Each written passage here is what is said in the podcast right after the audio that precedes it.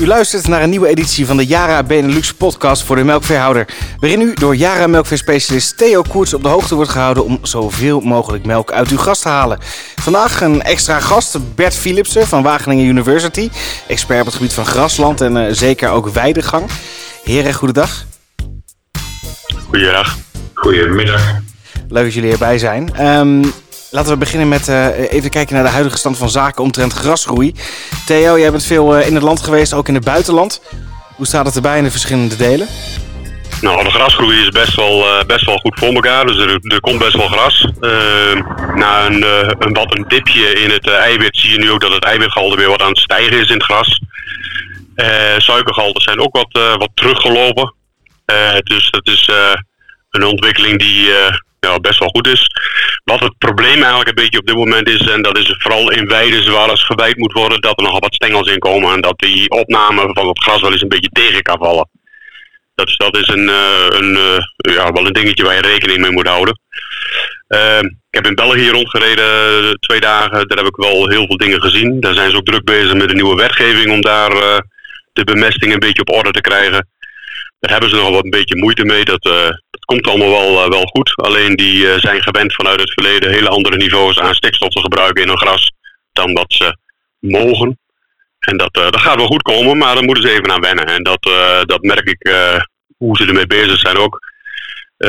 wel heel veel verschil tussen West en Oost. In het Westen werd heel veel met vloeibare meststoffen wordt daar gedaan.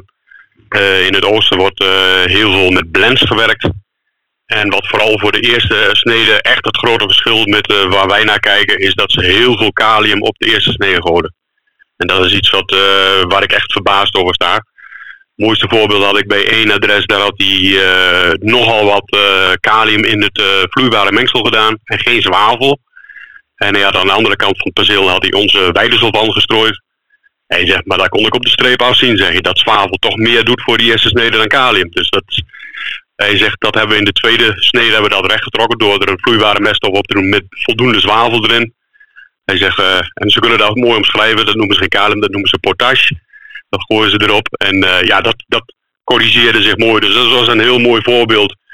Uh, kijk, we hebben daar drie bedrijven waar we proeven gedaan hebben. Helaas hebben we geen monsters kunnen nemen, dus dat was wel erg jammer. Dat gaan we volgend jaar doen. Ze hebben alle drie weer toegezegd dat we volgend jaar daar weer een rondje gaan maken. Gaan we kijken wat het verschil is, hoe zij het moeten doen en hoe wij het adviseren. En die twee dingen tegen elkaar aanzetten. Dus dat is uh, in ieder geval richting uh, België zijn we daarmee bezig. Ja, Bert, kan je uitleggen, of, ja, misschien kan je daar de vinger achter krijgen, waarom men in België toch heel anders kijkt naar het, ja, de praktische kant van de uitvoering dan in Nederland? Ja, dat is, een, mooie, mooie gewetensvraag. Ik denk dat dat eh, historisch, regionaal bepaald is. En het belangrijkste is natuurlijk dat uiteindelijk de wetgeving in de insteek die de politiek kiest om bepaalde doelen te halen, dat die verschillend is. En ik ben met Theo eens, uiteindelijk uh, komen we er denk ik overal wel. Alleen de route er naartoe is, wel, is wat verschillend. Ik bedoel, ik heb jaren gehoord dat in uh, Duitsland bijvoorbeeld het verplicht mesten injecteren in de grond niet verplicht was.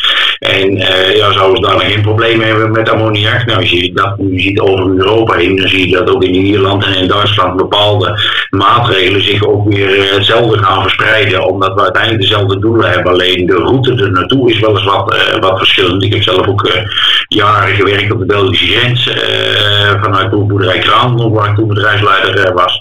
Ja, dan zie je dat dat toch over die grens heen, die regelgeving echt verschillend is. En dat mensen nou andere maatregelen dwingt soms. En soms ook nog net iets meer ruimte geeft, wat Theo zegt. Maar dat is meestal tijdelijk en daarna gaan we naar hetzelfde niveau. Ander punt wat in België denk ik wel een beetje meespeelt is dat bijvoorbeeld de huiskavel-veldkavelverhouding duidelijk anders is dan als in Nederland. En dat daar men iets meer gefocust is op maaigewassen en minder bijvoorbeeld op, op weidegang, omdat de huiskavels over het algemeen kleiner zijn. Dus dat is wel een verschil wat ik daar wel altijd merkte. Ja, dat klopt. Dat pikte ik ook op. Ik was daar... Uh de beweiding, die, dat, dat doen ze bijna niet. Er zijn bijna geen koeien buiten. Hier en daar zie je het. Uh, dat, dat viel echt op. Dat is echt een onderscheid met Nederland. Uh, in Nederland hebben we toch, uh, nou ja, daar hebben we in het gezamenlijke project met de weidecoaches en dergelijke hebben we ook daar wel flink aan getrokken. Maar in België is toch wel bijna alles wordt gemaaid. Het is puur voeren via de voordroogkuil. En nou ja, voederbieden zie je er ook veel. Dat is trouwens ook wel iets wat, wat je meer ziet dan in Nederland. Dus daar zijn ze ook druk mee bezig. Dus dat is ook wel duidelijk een, een verschil. Ja, en de hoeveelheid eiwit in het gras mag daar wel iets hoger wezen, want heel veel plaatsen hebben ze duidelijk meer mais in het rantsoen zitten. Dus er zitten echt uh, 70, 80 procent mais en dan de rest is, uh, is gras. Dus het, dat is een beetje een andere aanvliegroute, een andere manier van, uh, van bemesten en een andere manier van de rantsoen in elkaar steken. Ja, voor een deel wordt het denk ik ook nog wel verklaard door uh, grondsoort en regio. Uh, want vergeet niet, zeg ik altijd, dat uh, ik werk nu regelmatig vanuit de Leeuwarden Dairy Campus. dat de opbrengstverhouding tussen gras en mais, zeg ik altijd, in Friesland precies andersom is als de opbrengstverhouding gras-mais in Brabant op de Belgische grens. Laat staan dat je verder doorgaat in, in Vlaanderen. omdat in het zuiden toch de omstandigheden voor mais over het algemeen iets beter zijn dan voor gras. Uh, warmteunits en ook qua uh, neerslagpatroon. En dat de grondsoort in het noorden en, en toch iets kouder gemiddeld vanuit het verleden. Dat gas daar over het algemeen makkelijker en die beter wil groeien. Dus ook dat soort dingen. Dus de aandacht voor akkerbouwgewassen of relatie met akkerbouw en de bemesting die daar dan weer bij past, is daar ook net anders, uh, denk ik. Heeft het dan ook weer invloed op de melkproductie van de koe of is dat redelijk vergelijkbaar met elkaar? Ja, uh, ik denk dat de melkproductie dat het niet zo heel veel uitmaakt als je uiteindelijk het kunt optimaliseren. Uh, je mag eiwit voeren, dan kun je ook je rantsoen recht trekken. Al heb je er uh, 80% mais in zitten, dan lukt dat ook. Kijk, hier in Nederland uh, hebben we wat meer sturing richting het gras, richting het ruwe eiwitgehalte in het gras ben je wat meer mee bezig. Omdat het aandeel gras ook wat hoger is. Kijk, je zit hier toch met je derogatie naar 80-20 uh, te kijken, dus dan heb je duidelijk wat meer gras. En uh, hoe verder als je naar het noorden komt, uh, zijn er zelfs gebieden bij waar je bijna naar 100% gras gaat. Dus dat, dan ga je toch wel anders naar je gras kijken. Moet je er ook anders mee bezig. En dan uh, is je, is je ruwe eiwitgehalte is wel van groot belang. Wat, daar, wat ik nog één ding terug, nog even op België terugkomen. We hadden het over die bodem. als je op de bodem ziet, wat één boer ook vermeldde. Hij zegt met die vloeibare meststof is leuk. Hij zegt maar dat ga ik niet meer doen in het voorjaar. Hij zegt, het probleem is, ik rij enorm sporen. Er gaat echt een trein overheen van, van 8 op 9 ton rijdt er overheen met redelijk smalle bandjes.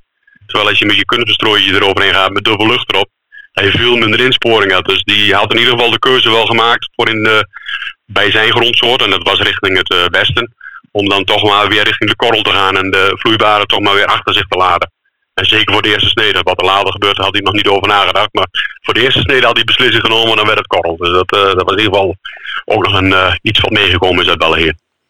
Geniet het ook jouw, uh, jouw voorkeur, Bert? gebruik van de korrel?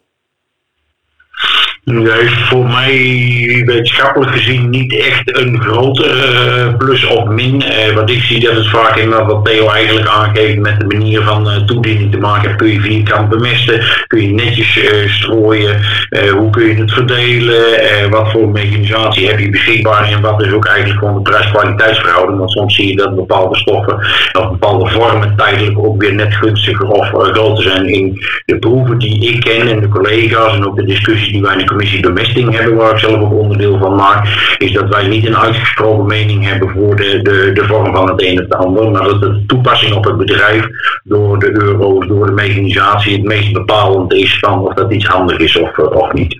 Tot zover deze editie van de Jara podcast. Wilt u meer weten over efficiënt bemesten? Meld u dan gratis aan voor de nieuwsbrief Jara Gras Actueel op www.jara.nl.